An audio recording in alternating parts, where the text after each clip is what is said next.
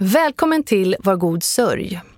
Manda och hennes gäster pratar om sorg, glädje och om hur livet ändå fortsätter. Kom ihåg att de är endast experter på sin egen sorg och förlust. Om du eller någon du känner mår dåligt, sök hjälp. Förra året dog 1254 personer av suicid i Sverige. Av dessa var 897 män och 357 kvinnor. Tio stycken var barn under 15 år. Hur kan det få gå så långt att en person till slut tar sitt liv? Går det egentligen att se tidiga signaler? Hur ska vi lära oss att bemöta den som mår dåligt? Agnes Mellstrand, legitimerad psykolog och föreläsare, hon vet hur livsviktigt det är med rätt bemötande. Och i sin bok Psykiatri för icke-psykiatriker skriver hon just om hur svårt det kan vara att våga närma sig. Hej Agnes! Hej Manda! Välkommen! Tack! Hur mår du idag? Jo då. Mm. lite sliten, men uh, fint att vara här igen. Jag är glad att du är här. Vi ska ju prata om ett jätteviktigt ämne. Det är ett viktigt ämne, men som ingen riktigt vågar prata om, känns det som. Mm. Du sa till mig innan när jag berättade om de här siffrorna, som ju du är väl bekant med, att de, det är inga nya siffror. Nej, det är ju det som är så speciellt. Självmordsstatistiken har legat på ungefär samma nivå i decennier faktiskt. Helt otroligt. Mm. Men det är väl lite det vi ska prata om idag, hur man ska se signaler och hur kan vi hjälpa till att få ner siffrorna tillsammans? Mm. Kanske inte just du och jag, men eh, ja, eller ja. Jo. Ja, du och jag också. Mm. Går det att se på en person som mår dåligt eller att en person mår dåligt och har självmordstankar? Hur, hur, hur ser man? Hur gör man? Jag tänker att man eh, som eh, mm, kanske anhörig, eller höll på att säga medvandrare eh, definitivt kan reagera på att en kollega eller en vän eller en eh, partner eller en dotter eller en son eh, på något sätt ändrar beteende och inte är riktigt kanske sig själv. Och eh, det brukar ju väl vara en signal till att på att någonting inte stämmer. Att någon drar sig undan. Man kan likna det liksom lite vid, vid, liknande signaler som vid depression. Att, att någon tar, liksom tar lite avstånd, drar sig undan. Det kanske är den signalen som man skulle kunna reagera på först. Att personen inte vill hitta på saker, eh, kanske inte är intresserad av, av tidigare intressen. Men det kan också vara att det ligger en psykisk sjukdom i, i bakgrunden och att det är den som också spökar. Eller att man vet att en person är un, alltså mitt i en kris. Då skulle jag hålla ett extra vakande öga på den personen. För ofta de här personerna också är ju ensamma i sina tankar. De behöver inte vara ensamma ensamma, men de är ensamma mm. med sina tankar. Mm. Och, eh, och vill inte ligga till belastning för andra människor. Mm. För det är liksom från två sidor. Vi ska både öppna upp för samtalen från den personen som inte mår dåligt och sen så ska vi öppna upp för den personen som mår dåligt, att den ska våga prata. Ja, och det, det är just ett tillstånd, en bubbla som jag brukar säga att personen fastnar i. Och det tillståndet kan ju till och med brytas lite grann bara av att någon frågar hur det är. Att man liksom avbryter lite det här tillståndet genom att ställa en, en fråga om, om personens mående. Så att det, det som händer är just en, en, ganska stark ensamhet i den här bubblan, i det här specifika tillståndet som, som, som man drabbas av. Och det kallas ju ibland då just för en suicidal kris, när man fastnar i det så där intensivt. Eh, och då är det ju toppen om, om någon kommer in och knackar på och eh, gör lite hål i den där bubblan. Jag funderar på, eftersom jag själv har vad sa du innan? Medvandrare. Medvandrare. Medvandrare. Mm. Eh, nej men eftersom jag själv har råkat ut för det att min man begick självmord. Att, att jag såg ju ingenting och han Nej. var i den här bubblan och hur svårt det är att se mm. när man ändå är nära. När jag tänker på det efter, han säger att han gick ner i vikt och liksom, jag såg inte att han drog sig undan. Och, mm. och så tror jag många med mig tänker också, mm. varför såg jag inte det? Och, Jag tänker så här, den här frågan som är svår, det läste jag också i din bok. Har sagt att jag har din bok i sängen ibland. ja. Men ja. Eh, du läste att du, till och med du som är i din profession, i, det här initiala mötet, om jag nu förstod det rätt, det kan liksom vara ett visst, eh, lite svårt eller ett motstånd. Jag kommer inte ihåg hur du mm. uttryckte dig. Ett, ett mikromotstånd? Ett mikro, ja. Eh, från mig som då Eh, är van vid att ställa de här frågorna och, och känner mig trygg med att göra det så märker jag ju ändå att du vet när ett bedömningssamtal är, det är ganska liksom, eh, det behöver inte vara en tung stämning utan ganska god stämning. Så tänker jag så nej men nej, nu har jag liksom lämnat den här suicidriskbedömningen till slutet. Oh, du vet, lite sådär nej, ska man ta upp det nu på slutet?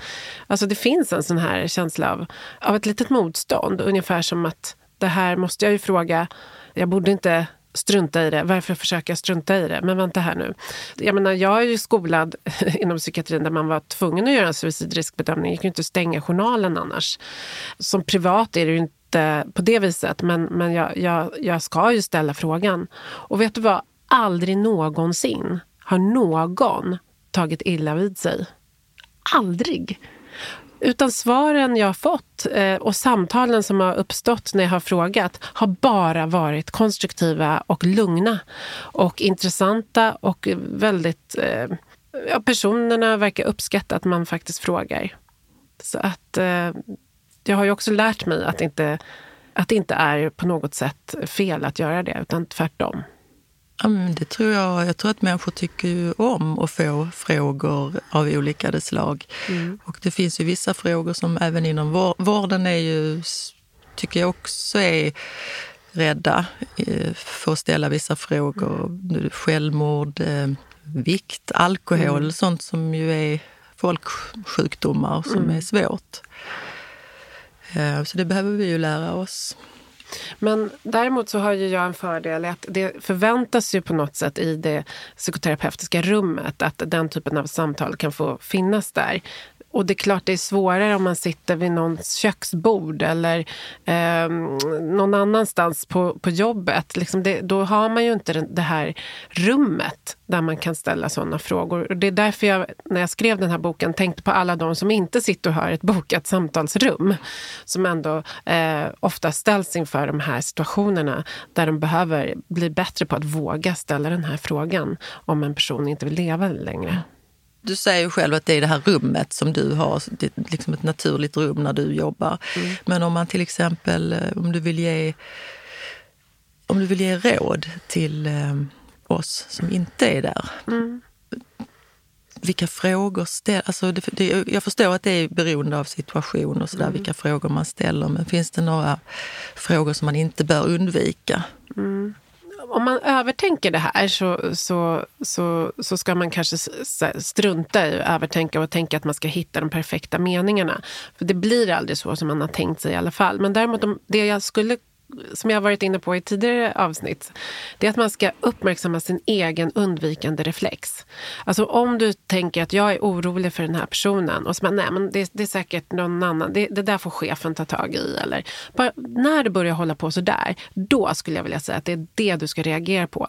Det är bättre att faktiskt följa den första instinkten att fråga än att lyssna på de här eh, de här hindertankarna som bara nej, det där får någon annan ta tag i. Att ta undan en person och ställa en, en, den här sortens fråga, det, såklart, det kan, det kan bli jätte, jättefel. Men, men jag tror fortfarande att det kan bli mer rätt att fråga någon eh, och be om lov. får jag bara ställa några frågor? Liksom. Jag bryr mig om dig och jag, jag har i alla fall fått för mig att, att det har hänt någonting. Det, det, det verkar så.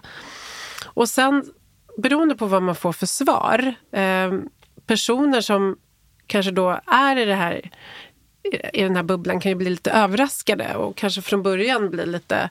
Eh, det är inte så att de blir kanske överöser dig med tacksamhet. Men, men åtminstone är det ju någonting som gör att de kommer av sig och det finns då en möjlighet för dem att kanske prata mer med dig. Men om ni fortsätter samtalet så kan du fortsätta ställa frågor. Så vad behöver du just nu? Eh, att det finns hopp hopp, var man kan vända sig någonstans och så vidare. Så att på något sätt så gör vi människor en, en, en liten sån här riskbedömning när vi ställer de här frågorna.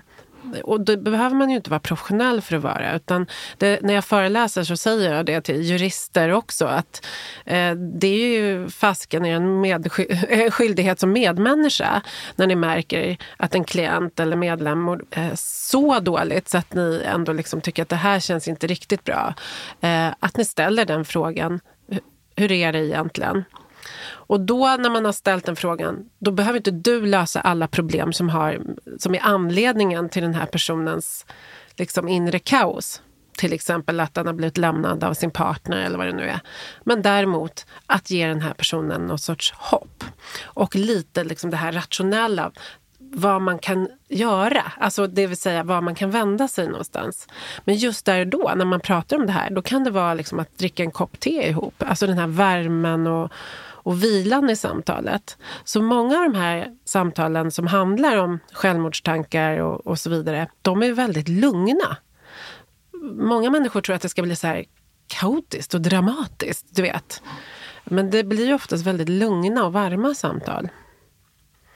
Eh, och det är ju det som är medicinen här på något sätt.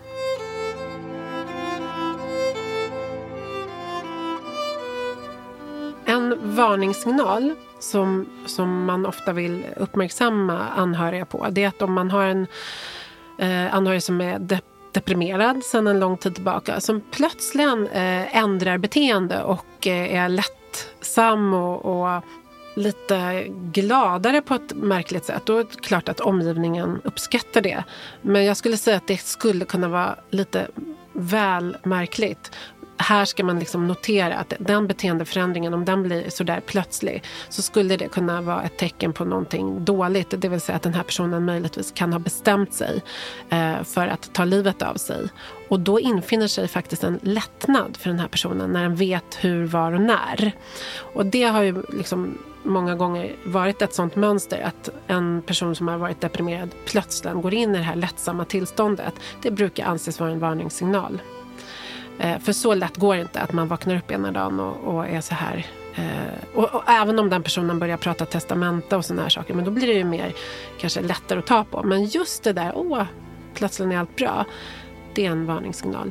Och sen vid, eh, när man sätter in eh, antidepressiva så beh behöver man också vara lite extra vaksam de första veckorna eftersom personen eh, inte nödvändigtvis har fått tillbaka sin livslust men däremot kanske kraften att agera på sina självmordsplaner.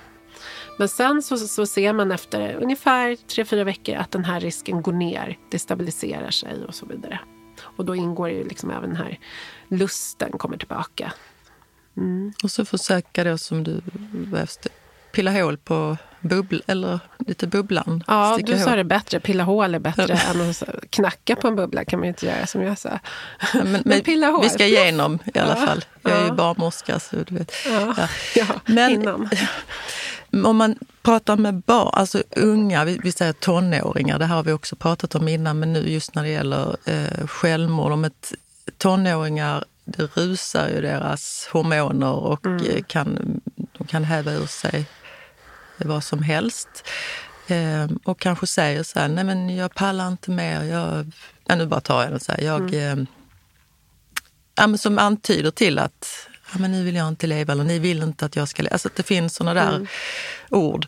Och de ska man ju såklart ta på allvar. Men jag, det är ju svårt som förälder att veta vad är vad. När ska mm. jag liksom ta den här, eller ska jag alltid ta det på allvar som förälder? Om man känner sitt barn så att säga så kan man ju se de här nyanserna, eller hur? I, i den här retoriken, i det här sättet, i den här jargongen. Att, att varenda gång mitt, mitt barn säger Fan, jag pallar inte längre så här, det, och, och, och liksom uttrycker något dramatiskt av det slaget. Så jag, jag orkar inte leva, jag pallar inte. Alltså, hur säger den här personen det här? Eh, hur ofta, så att säga?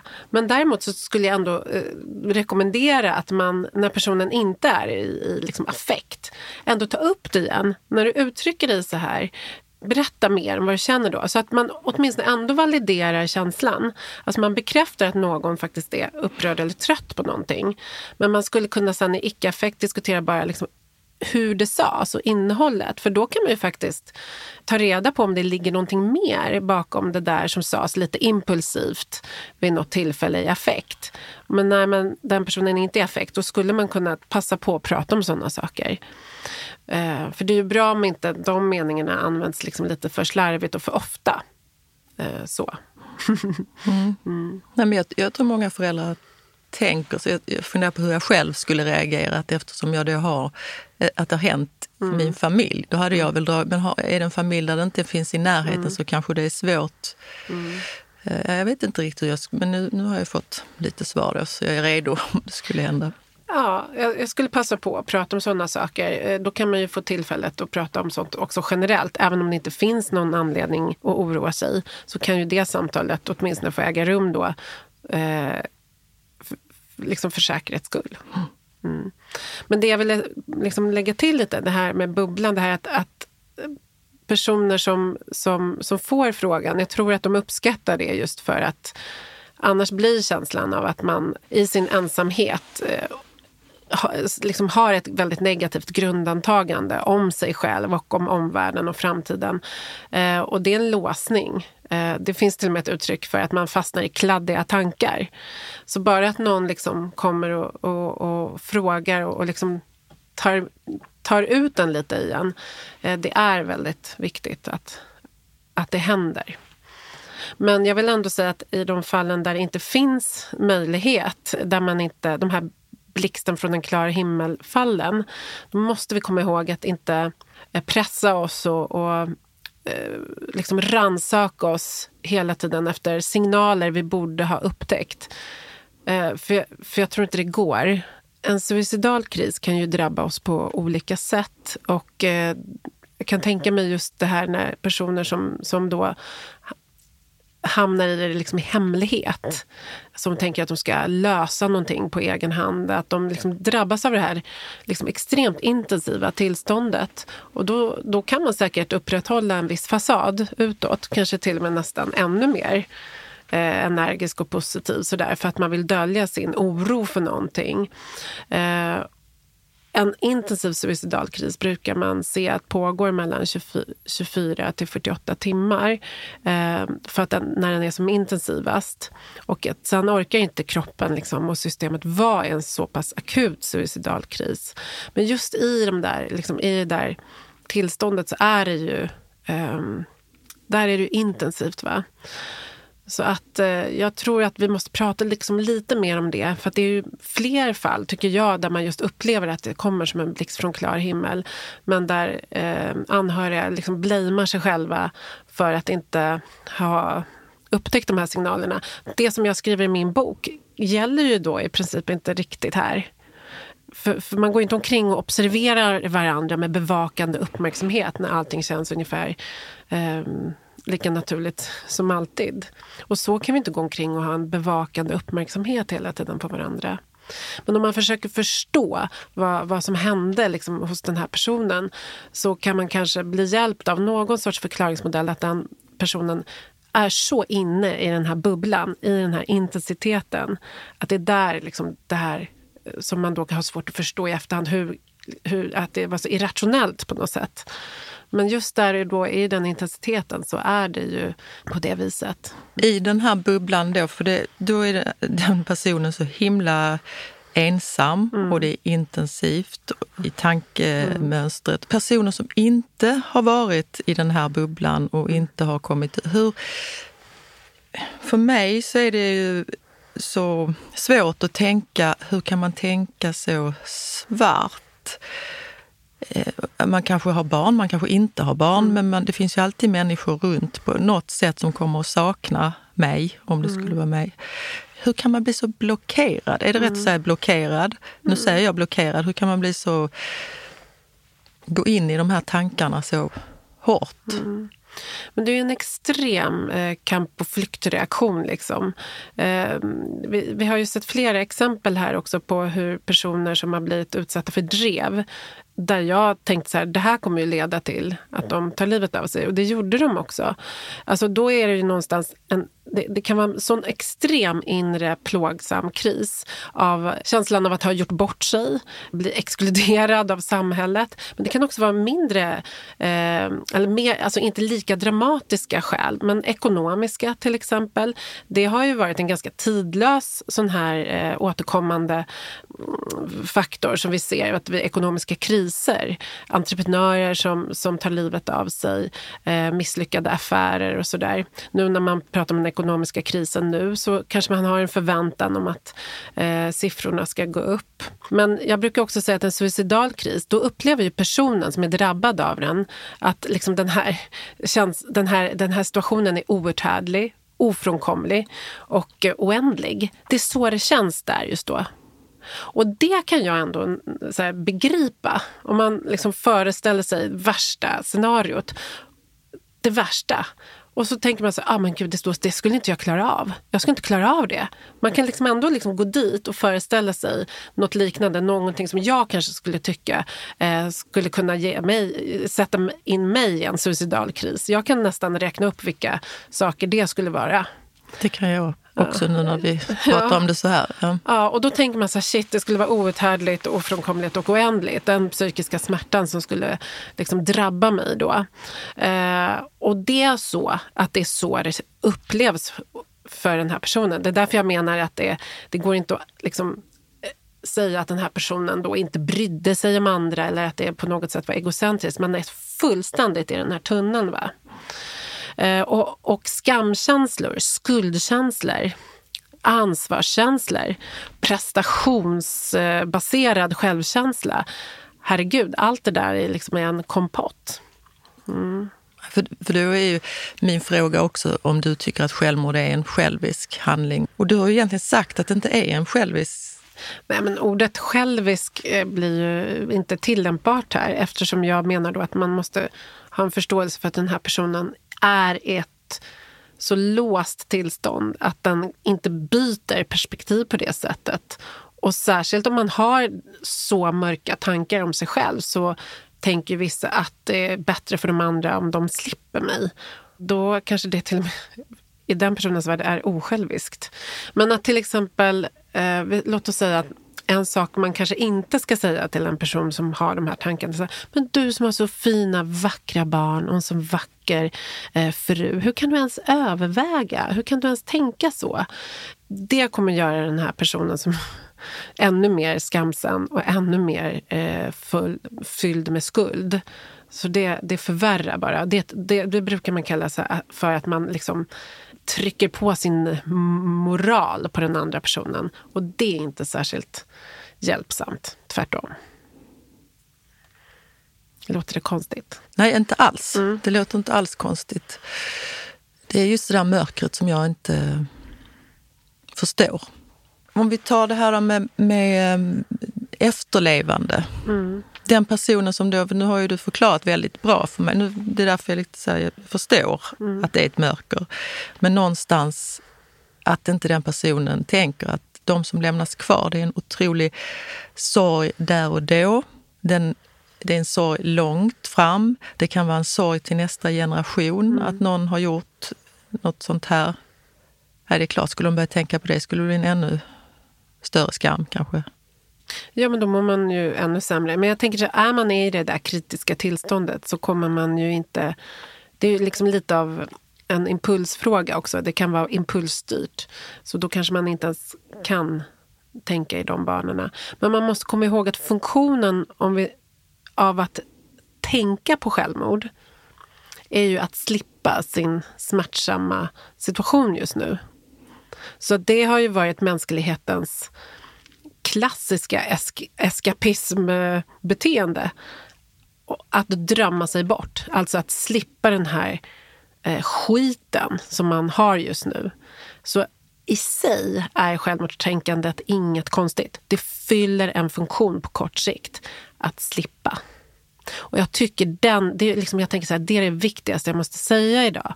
För kan vi prata om det så, så kommer vi kunna faktiskt eh, avdramatisera utan att bagatellisera. Utan se det här som ett, eh, ett, ett desperat sätt att problemlösa kring sin situation. Och när man då för upp det här som, en, som ett sätt att problemlösa som på kort sikt går att förstå, det går att validera det här då kan man börja närma sig vad skulle man kunna göra istället? Vad skulle kunna vara ett annat sätt att problemlösa kring den här frågan? Hänger du med? Mm. Och då kan man, den här personen sakta men säkert också gå ifrån det här hotsystemet där man snabbt liksom vill slippa den här psykiska smärtan. Eh, till att säga så aha, jag vill ju slippa det här det så, för att det är så jäkla jobbigt. Det är därför jag håller på och tänker på de här tankarna. Vad kan jag göra istället? Och då brukar man ju föreslå liksom lite experiment. När det inte är som mest akut men man märker att man går in i det här tillståndet. Då, då, då skulle man kunna testa nya problemlösningsstrategier. Det är så här man jobbar med det i, i, i liksom, till exempel en kognitiv beteendeterapi. Eh, och det är faktiskt så att man då växlar, liksom delar, liksom, man växlar i hjärnan. Så det blir en väldigt bra eh, nyinlärning för, för den personen som hamnar i, i det här suicidala beteendet. Att titta på sitt copingkort, som man kan skriva så här, nästa gång jag hamnar i det här tillståndet då ska jag eh, gå en promenad med Manda. Eller laga den här eh, maträtten. Eller någon annan kanske lyssnar på på Blur. jag vet inte varför man skulle lyssna på Blur, men förstår du vad jag menar? Så att, mm, förstår du, då har man ju kommit av sig. Och likaså om man har berättat om sina självmordsplaner och självmordstankar, då spricker den bubblan också. Förstår du vad jag menar? Det mm. blir ju inte lika... För, så, så är det, det är ju egentligen så att den som planerar, eller ibland mm. planeras det inte, men att det no, har normaliserats mm. i deras hjärna och då ja. så ska man försöka få det till att nej, det här är inte det finns andra saker att göra, eller? Ja, först validera att, ja. jag, att det finns en mänsklig mekanism och funktion i att vilja slippa ett psykiskt lidande på det här sättet. Så, är vi funtade, de, många av oss. Eh, men att det på lång sikt kan skada en. Alltså för, för självmordsförsöket i sig kan bli en, en, en permanent problemlösning som då eh, blir oåterkallelig.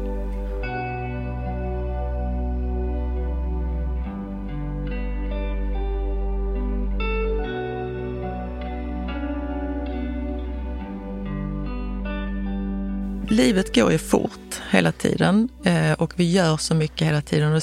Jag får en, får en känsla av att vi inte ser varandra mm. riktigt. Mm.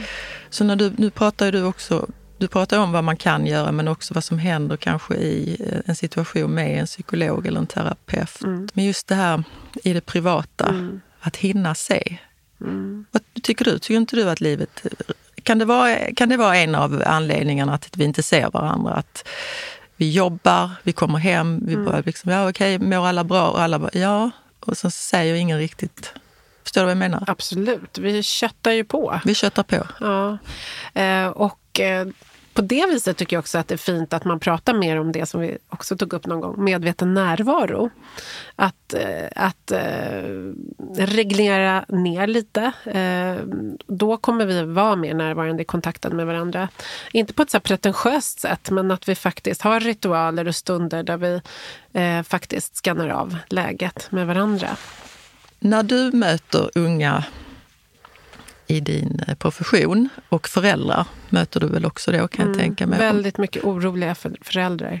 Ja, mm. så då, min fråga är att eh, om du träffar, eh, vi låter säga att en förälder har, har tagit sitt liv och du möter den andra föräldern. Vad, vad är den största oron för deras barn? Alltså de här barnen. Jag vet ju vad det är. Jag tänkte fråga dig. Ja. ja. Ska jag, vem ska svara? Om du börjar spontant, vad, mm. om det är okej? Okay. Okej, okay, jag börjar. Eh, som förälder, som jag, Manda Ersgård, då är jag ju såklart orolig att mina barn skulle tänka mm. att det där var en utväg. Så Så det skulle jag kunna också, kanske inte nu, men längre för att det finns mm. som en, ja, jag skulle säga som en liten smitta ja. i familjen. Och som jag sa innan, det är inte bara den här generationen, det kan ju vara barnens barn. Mm. Ja, men det där fanns ju. Mm. Eh, det, skulle jag, det är jag orolig för. Jag är orolig för hur man ser att barn mår bra eller inte och att jag inte närmar mig på rätt mm. sätt. Mm. Jag tror vi har pratat om det innan, för jag kan ju vara sådär, hur, hur är läget? Och så vill man vara lite sådär mm. 23 fast jag är 53. Mm. Och, och de bara, ja men det är bra. Och så, ja, nej men ungdomar. Mm. Och den oron, just att det skulle vara liksom smittsamt och nästan genetiskt och modellinlärt, eh, den, den, det, det kan jag förstå att man oroar sig för. Sen så tror jag att har man en, ett klimat där hemma där man pratar om de här frågorna och kan ta hand om, om varandra på ett hyfsat sätt. Inte någon så här super... Inget superföräldraskap här krävs utan att vi inte liksom blockerar det här och lägger undan det. Utan vi, vi uppmuntrar och vi påminner om att vi pratar om det här. Jag tror att i de familjer där man bara liksom lägger locket på. Då finns det större risk tror jag, för att man eh, i situationer väljer en problemlösningsstrategi som är så här totalt emotionellt undvikande. För det är ju eh, liksom, självmord är ju den kanske ultimata emotionella undvikandet. Själv, ett, ett suicidalt beteende. Så det tror jag att vi kan förebygga genom att vara mer eh, transparenta. Och så var det ju inte förut, eller hur Manda? Det, det, jag tänker på dem, min generation och generationerna innan. När sådana här saker hände, då pratade man ju inte om det. Och eh, det ser vi ju redan nu, med, med, med, också med den historien du har, att så är det ju inte riktigt längre. Det, det är på ett annat sätt. Så det tror jag kan vara förebyggande. Men man ska definitivt finnas där eh, för de barn och ungdomar lite extra som har förlorat en förälder på det här sättet eh, och på andra sätt också. Men det här sättet är ju för många barn och ungdomar extremt plötsligt. Det är ju kan ju verkligen upplevas som ett trauma för det är en enorm förlust av kontroll eh, att, att någon rycks iväg på det här sättet. Ja, just det att prata med barn, eh, det känner jag att mina barns gudföräldrar till exempel pratar, visar saker. Alltså, och eh, jag brukar säga, säg gärna till barnen hur lika de är mm. sina föräldrar, för det, eller sina föräldrar, mm. inte, inte mig kanske, men sin pappa. Mm. För jag vet att det är de blir glada av det. Mm. Och det tror jag också är en sån där sak att eh, vänner och människor, nu gäller inte det här, för, alltså, människor runt omkring kanske är lite rädda för just när det gäller barnen. Mm. Men jag tror att det är, eller, det är ju tvärtom. Mm. Sen är det ju klart att det kan finnas lägen där barnen inte vill mm. prata, men jag har aldrig sett mina barn eller att de har sagt någonting, om någon har sagt vad lik du är pappa. Ja, men så där gjorde ju mm. din pappa.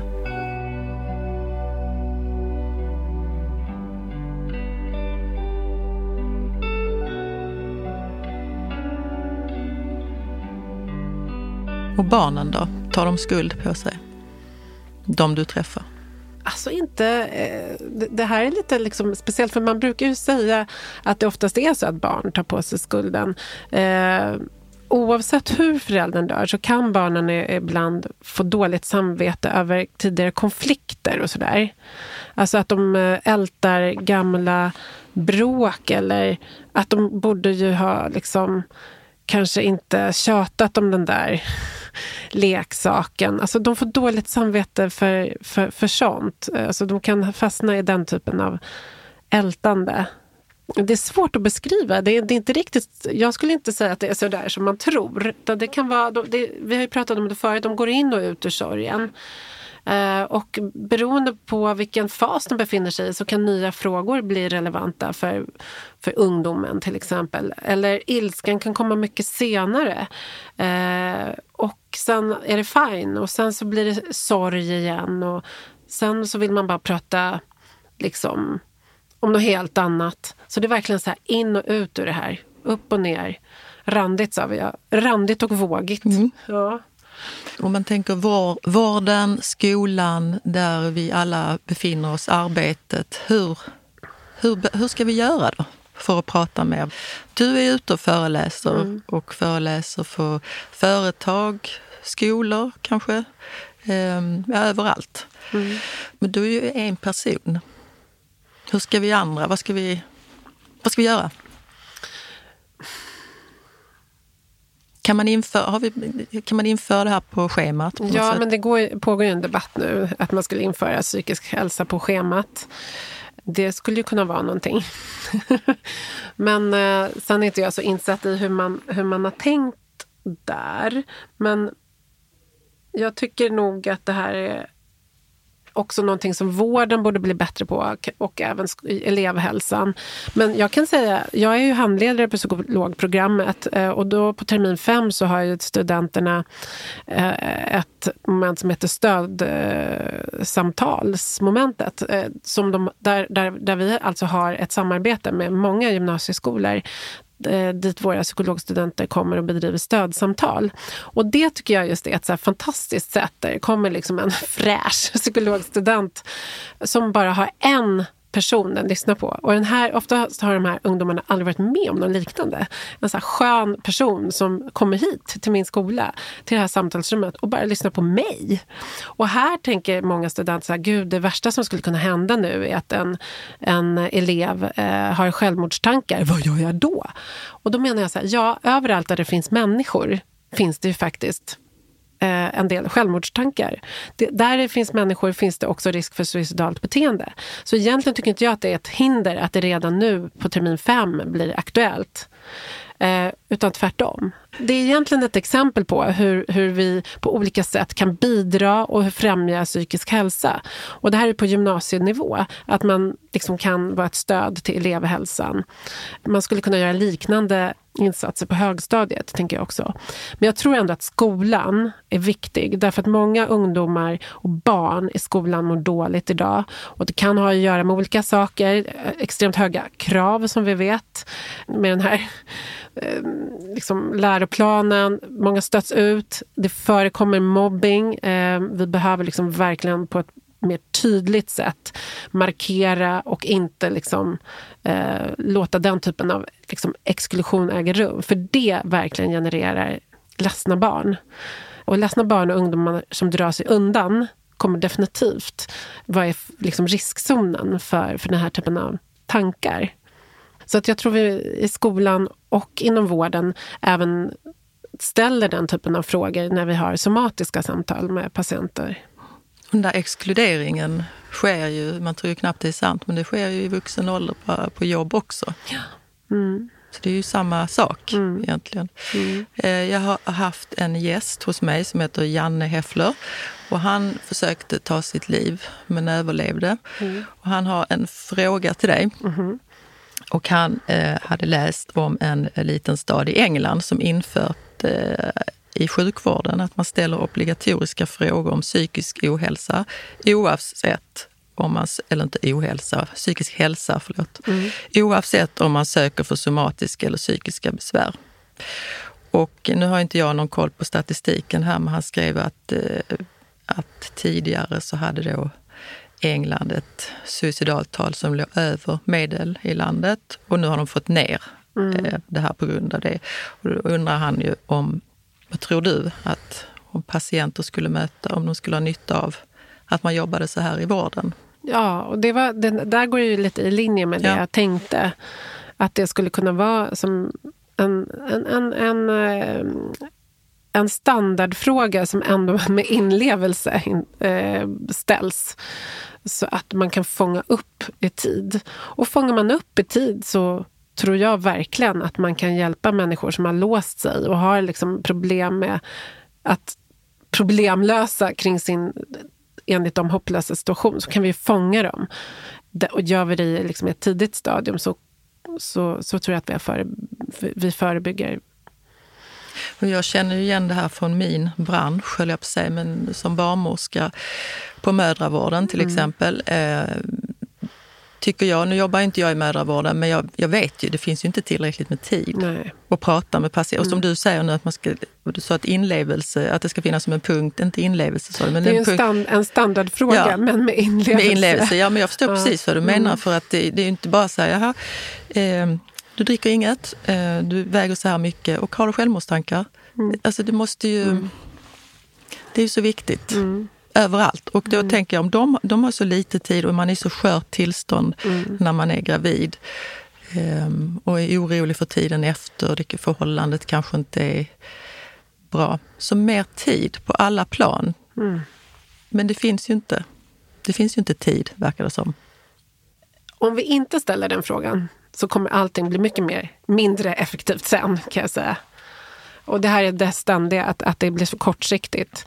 Det är bättre att ställa den frågan och, och eh, här, riskera att det kanske tar tre minuter till och, och, fortsätta prata om det, än att vi sen står där eh, på lång sikt och har en, en härva, liksom en suicidhärva. Eh, så det, det, jag tror man kan fånga många med den, med den standardfrågan. Men jag, jag, det är vad jag tror i alla fall. Och det är lite så jag är uppfostrad på psykologprogrammet.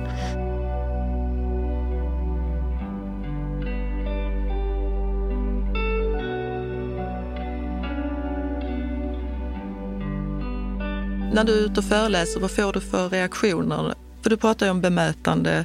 Tar ni upp självmordstankar också? Absolut. Alltså jag har ett helt eget eh, avsnitt som jag alltid säger så här, det här får vi ju liksom inte eh, ta för lite tid till. Och det avsnittet heter ju suicidalt beteende.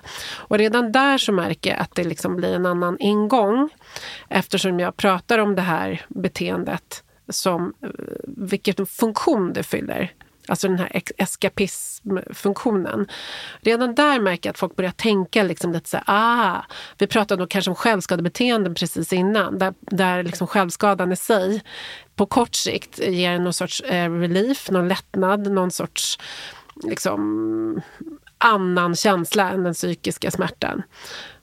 Och när vi då tittar på suicidalt beteende så blir ju den liksom funktionsanalysen mer, den blir ju så rimlig på kort sikt. Och hur kan vi då närma oss personer med, med värme och eh, hjälpa dem att så att säga ta ett nästa rimligt steg i, i, åt, liksom ett, ja, åt ett mer önskvärt håll. Så det blir väldigt fruktbart. Men många som går mina utbildningar de har ju redan kan man säga, gjort rätt saker hittills men varit väldigt rädda för att göra fel. De flesta är ju så otroligt rädda för att göra fel och då slipper de hellre. Och Det är väl det jag tror att den här utbildningen kan lätta på den här rädslan för att göra fel. Utan hellre säg något eh, med värme så, så kommer det liksom vara hjälpsamt. Men det finns personer i vissa yrkesgrupper som verkligen känner att det här är inte mitt bord. Om jag ställer den frågan så kommer jag bli indragen i en liksom, suicidhärva. Det där får någon annan ta. Eh, det kan inte vara mitt bord. Nej, men är du den som faktiskt är där när personen, när du märker att den här personen mår verkligen inte bra och är i ett akut krisläge, då kan du visst ställa frågan. Nu blir jag lite orolig när du säger så. Och så ställer man några följdfrågor till. Finns det någon annan du kan prata med om det här? Om inte så, så kan man kontakta det här och den här och den här. Alltså man kan ringa 112 om det är akut till att börja med upplever man att någon har en akut suicidrisk så ska man ju ringa 112. Då ska man inte jamsa. Då ringer man 112. Men oftast, alltså faktiskt är det ju ofta inte akuta självmordsrisker.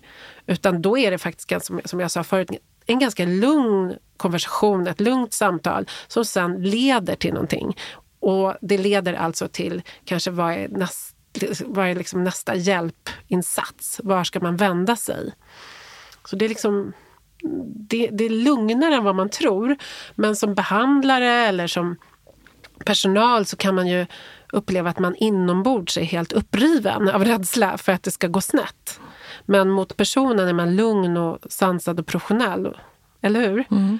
Men på insidan, det är många av oss som jobbar med människor som ändå är ganska wow, shit. Så här. Då behöver man ju återhämta sig efteråt. Och jobbar man med den här typen av svåra samtal på det här lite ostrukturerade sättet, då behöver man ju handledning faktiskt. Och många har ju inte handledning som jobbar med de svåraste samtalen i vårt samhälle. Och handledning betyder att man sitter kanske i en arbetsgrupp och pratar just om sådana här svåra situationer och hur man hanterar dem eh, och stöttar varandra i det, till exempel med en extern professionell. Och jag bara tycker det är så intressant också att man, att man försöker eh, antingen spara in på det många gånger och ibland då eh, så har de flesta inte ens haft handledning fast de varje vecka sitter med den här typen av samtal. Som du säger, det dyker ju upp överallt. Det är inte mm. bara då som i din profil. Överallt där det finns människor finns det suicidalt beteende. Det är bara att acceptera det. Vi måste liksom förhålla oss till det. Punkt slut. Det, det är så det är. Jag vet att vi, när jag läste till sjuksköterska så lärde vi oss motiverande samtal. Mm. Och eh, det var ju nästan... När jag tänker tillbaka så, så tänkte jag så här, det var ju liksom ingen som riktigt förstod vad är det vi, vad är det vi ska göra. För det, hade, hade någon då sagt till mig, nu ska vi ha ett, ett alltså man ska också mm. motivera den personen som man mm. talar med att berätta. Man ska inte lägga mm. orden i, utan de ska berätta. Men då kanske man kunde sagt så okej okay, ni ska prata om självmord, ni ska mm. prata om alkohol. Alltså man hade fått de här viktiga ämnena. Mm. Jag tror inte vi riktigt visste vad vi... Mm. Det var som ett ämne bara ja. som, som gick igenom. Det låter jättehemskt men där skulle man ju kunna vara mer Precis. plantera in. Det kanske är så nu.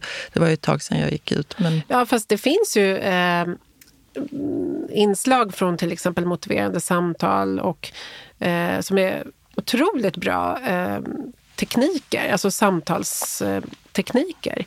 Likaså från dialektisk beteendeterapi där man pratar om att validera, alltså att bekräfta någons eh, känsla och upplevelse. Men sen också eh, liksom pusha lite åt ett mer konstruktivt håll. Inte bara validera men också lite pusha. Men allt handlar ju också om tonen, om bemötandet, att man bygger en allians på en ganska kort tid. Och bara om någon bryr sig om dig och frågar hur du mår och sen ställer den där följdfrågan så finns det ju en allians där. Och en annan grej vi inte har pratat om än, det är att många Ofta finns det ju en kanske eh, psykiatrisk sjukdom i bakgrunden. Som du vet, depression brukar man ofta prata om. Men det är ju inte alltid det är så. Det måste vi också prata om. Vi, vi, tror ofta och generaliserar till att det alltid ligger en psykiatrisk problematik bakom självmord. Det behöver det inte göra. Alltså, kriser är eh, liksom enough för många för att hamna i det här eh, tillståndet. För det, är, det är ju också just en sån sak som jag har funderat, eller som jag det kan vi ju prata om då, för att jag, som det går runt i mitt huvud mm. ibland. Att jag tänker på min man. Det, hopp, alltså det måste ju varit en sjuk, det måste varit depression. Det behöver ju då inte ha varit det, men det är precis som att det blev mm. bättre för mig mm. att det var det mm. än att det bara var mm. eh, hux flux. Mm. Jag, eftersom jag inte vet. Men, Nej så känns det bättre. Men det vet man ju inte riktigt. Nej, det kan man ju inte veta. Lät det förvirrande? Nej, men jag förstår hur du tänker. Men samtidigt kommer du ju inte kunna, vi kommer inte kunna veta. Nej. Eh, och jo, klart att vid depression så har man en ganska låg problemlösningsförmåga. Men när det kommer till någon sorts liksom, krisreaktion där man reagerar med liksom någon sorts jättestark eh, skam och skuld så jag tror inte man hinner vara deprimerad på det, på det, på det klassiska viset. Ja, alla kan vi ju drabbas av det. Det är väl det jag tror faktiskt. Mm, och sen har vi ju olika sårbarhet, självklart. Men jag tror ändå att vi alla kan eh, någon gång i livet drabbas.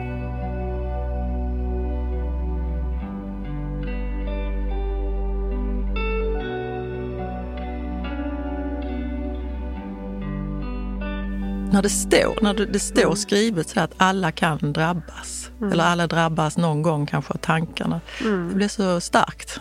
Mm. Och jag vet att du eh, inledningsvis, liksom, när vi pratade om vårt samtal innan, att är det vanligt att du träffar personer med självmordstankar, eller unga? Det kanske du sa i början på den här inspelningen. Jag minns inte. Men då tänkte jag så här, lite som att jag är så van på ett så bra sätt. Och ja, det är klart jag gör, tänkte jag. Så lite, ja. Eh, jag skulle nog säga att när jag just ställer den frågan under ett bedömningssamtal så berättar folk på ett väldigt eh, odramatiskt sätt att de någon gång då och då har haft den här typen av tankar. Men ofta uttrycker de just det här, när, den här eskapismfunktionen. Att, ah, jag tyckte det var så jobbigt och då brukade jag liksom tänka såna här eh, tankar på att slippa allting. Och då förstår jag ju att om man då eh, tänker att herregud, att eh, det här skulle vara så alarmistiskt och dramatiskt. Då måste man ju hålla det för sig själv för att någon skulle kunna missförstå mig. Det är också det där som blir beklämmande i den dialogen vi har nu. Man pratar om liksom nollvisioner och sådär.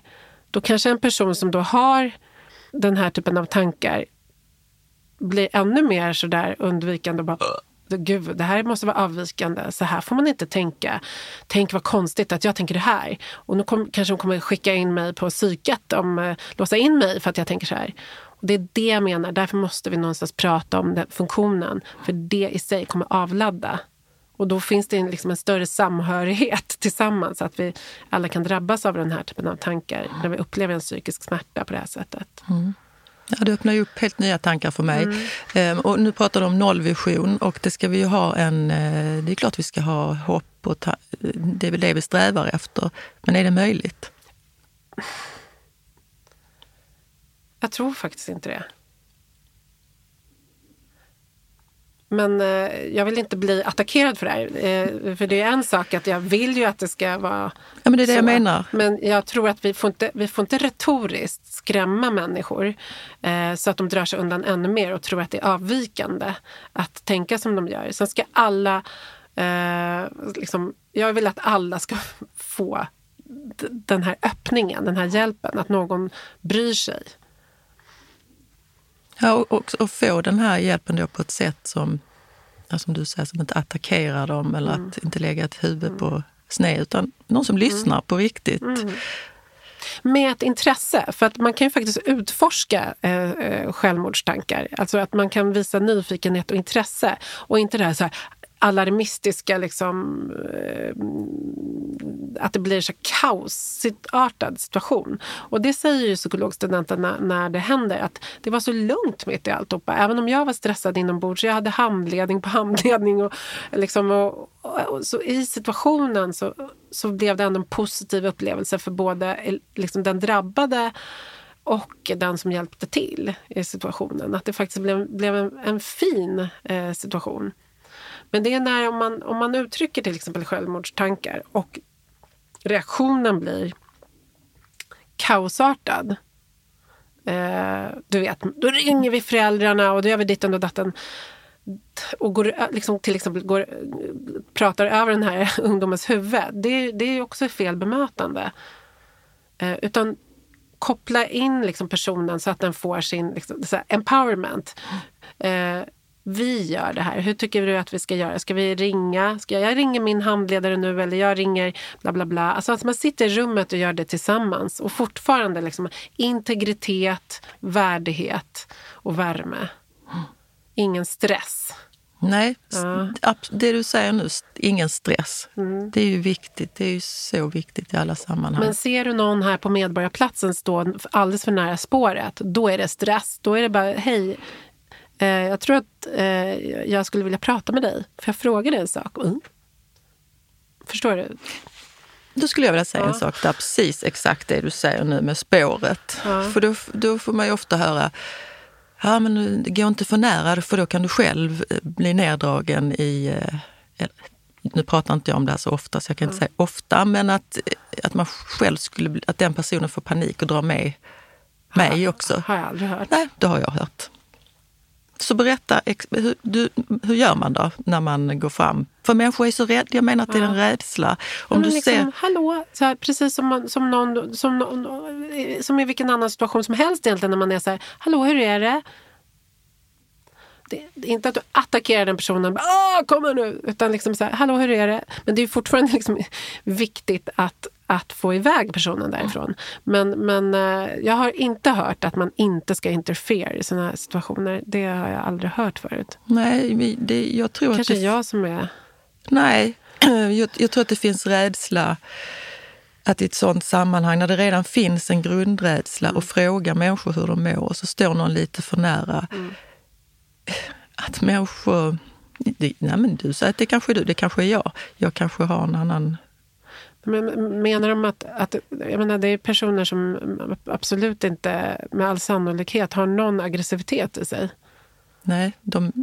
Ja. Men impulskontroll, om det är, suicidrisken ökar ju så fort det finns liksom, eh, missbruk med i bilden. Eh, då ska man ju liksom verkligen se på det här lite mer akut för impulskontrollen försvinner vid till exempel alkohol eller eh, droger. Eh, många av de här eh, impulsstyrda självmorden där folk hoppar ibland när de har liksom festat på Stureplan. Det är ju liksom påverkat av alkohol. De liksom drar ju ner försvarsmekanismerna och någon som redan kanske är sårbar och som, som eh, kanske liksom super för hårt då, bråkar med någon och sådär, kan tappa impulsen och, och göra någonting helt ogenomtänkt. Men menar du att det bara, att det bara kommer då? Är det personer som också inte har tänkt de här tankarna innan? Kan det vara så? De, de, kan se på sina problem på ett annat sätt på grund av alkoholen. Förstår du? De tolkar ju då saker mer dramatiskt och har en liksom icke-befintlig problemlösningsförmåga. Jag menar, den delen av hjärnan är ju liksom inte i funktion, så att säga. Så fort det kommer den typen av, av eh, substanser med i bilden så, så, så, ska man bli liksom lite mer orolig. Mm. Och också beteenden som man märker är sådär att man liksom lever farligt, att man inte man skiter lite i hur, man, hur fort man kör. Man liksom, lite såhär living on the edge. Man super på ett visst sätt. Och också någon sorts självmordsönskan i det ibland. Mm. kan man ju se ibland. Också ett tillfälle där människor inte riktigt vågar kanske säga till. Mm. Där alkoholen är inblandad. Mm. Ja, det här skulle man ju kunna prata om hur länge som mm. helst. Mm. Men det är ju så brett. va? Och det är det jag menar. Det, finns ju, det är därför när vi pratar, jag tycker det är så ensidigt. Jag tycker diskussionen om, om, om det här är så ensidig många gånger. Som att vi bara så, Det finns ju många nyanser och problemområden och olika typer av liksom, eh, ingångar och, och anledningar. Och, och, alltså, Ah, en person som är i en psykos eh, har en, har, de är ofta eh, i, i, riskzonen. För att när de hör röster, om Satan säger till dig att du, du är en jävla sopa, du, du, inte, du, du, ta, ta en kniv och liksom gör slut på dig själv. Så lyssnar ju den här personen på den här rösten. Suicidrisken är jättehög då. Då har ju inte den personen suttit och planerat sitt eh, självmord på samma sätt som en person kanske gör som är i en djup depression. Så det är helt olika tillstånd. Och sen så har du den här med samsjuklighet då, då eh, med kanske en högriskperson eh, person som, som missbrukar mycket där risken då ökar på grund av det. Och sen så kommer de här som out of the blue gör det. Och då kanske det är någon ekonomisk kris, eh, någon annan sorts kris, skilsmässokris, you name it, som har triggat igång det där. Så vi behöver ändå liksom nyansera vad vi pratar om när vi pratar om det här. Och där, därefter kan vi rikta insatser olika. För det finns inte en insats som passar på allihopa. Och, och diagnoser då? Bipolaritet? Ja och så vidare. Där ökar också suicidrisken. Uh, och det har också att göra med till exempel vid, vid mani och hypomani, att impulskontrollen är ju lägre då. Men framförallt vid de djupa depressionerna vid, vid bipolär sjukdom, där ser vi också en ökad risk. Och där är det liksom, då ska man ju in. Då behöver man hjälp. Alltså på en gång, skulle jag säga. Men vi andra som drabbas av kriser också, utan att ha eh, vi och vi, många av oss andra som kanske inte har den typen av eh, riskdiagnoser där risken ökar. Vi kan ju, vi kan ju också behöva den här hjälpen som jag pratade om förut, att någon vågar fråga och, och lyssna och sen liksom agera med, med, med mig som samarbetspartner. Mm. Jag tror vi pratade lite om det innan, men just det här, så jag hade, har haft en gäst som heter Hugo Renberg också i mitt program. Mm. Och hans pappa begick självmord när Hugo var ganska ung. Um, och då undrar han ja, vad ska jag säga, om det är ärftligt eller mm. om det följer med. Vi pratade lite om det innan, men Är det så? Där kan inte jag riktigt eh, svara eh, på ett vetenskapligt sätt. Men det jag ändå fattar är ju att det inte går att... Det, det, man, man, man, kan se att det finns psykiska sjukdomar i släkten som ökar sårbarheten för suicid. Men självaste beteendet, eh, suicidalt beteende, är ju inte smittsamt eller genetiskt på det sättet. Utan det kan vara att du har en sårbarhet för en ångestkänslighet eller känslighet för depression som gör att risken ökar. Om jag har förstått det rätt. Mm. Men vi frågar ju alltid våra patienter om man har någon i sin närmaste omgivning som har tagit livet av sig. Och varför gör vi det? Jo, men då tänker vi väl kanske att det finns någon sorts liksom, vad ska man säga, miljö och arvdel där som vi, som vi kan ha nytta av att veta om. För det, man kan se ibland, eh, jag har faktiskt ett sånt exempel i huvudet där det har gått liksom farfar, pappa, son. Eh, och, och då tänker jag återigen att de generationerna innan, liksom hardcore, eh, macho, vi pratar inte om såna här saker. Att det kan ju vara ett sätt att bete sig på som går i arv. Alltså hänger du med? Att ja. man eh, liksom känslor, svaghet, eh, stolthet, eh, misslyckad karriär, inte acceptabelt. Ciao. Och så kanske inte de heller har berättat för nästa... Mm. Just det där berättandet, att det är mm. ju viktigt. Jag tror inte heller att det smitt, smittar, mm. eller så här, men att, att det är då viktigt när det har hänt. Att, det, att man pratar mm. om det som en... Eh,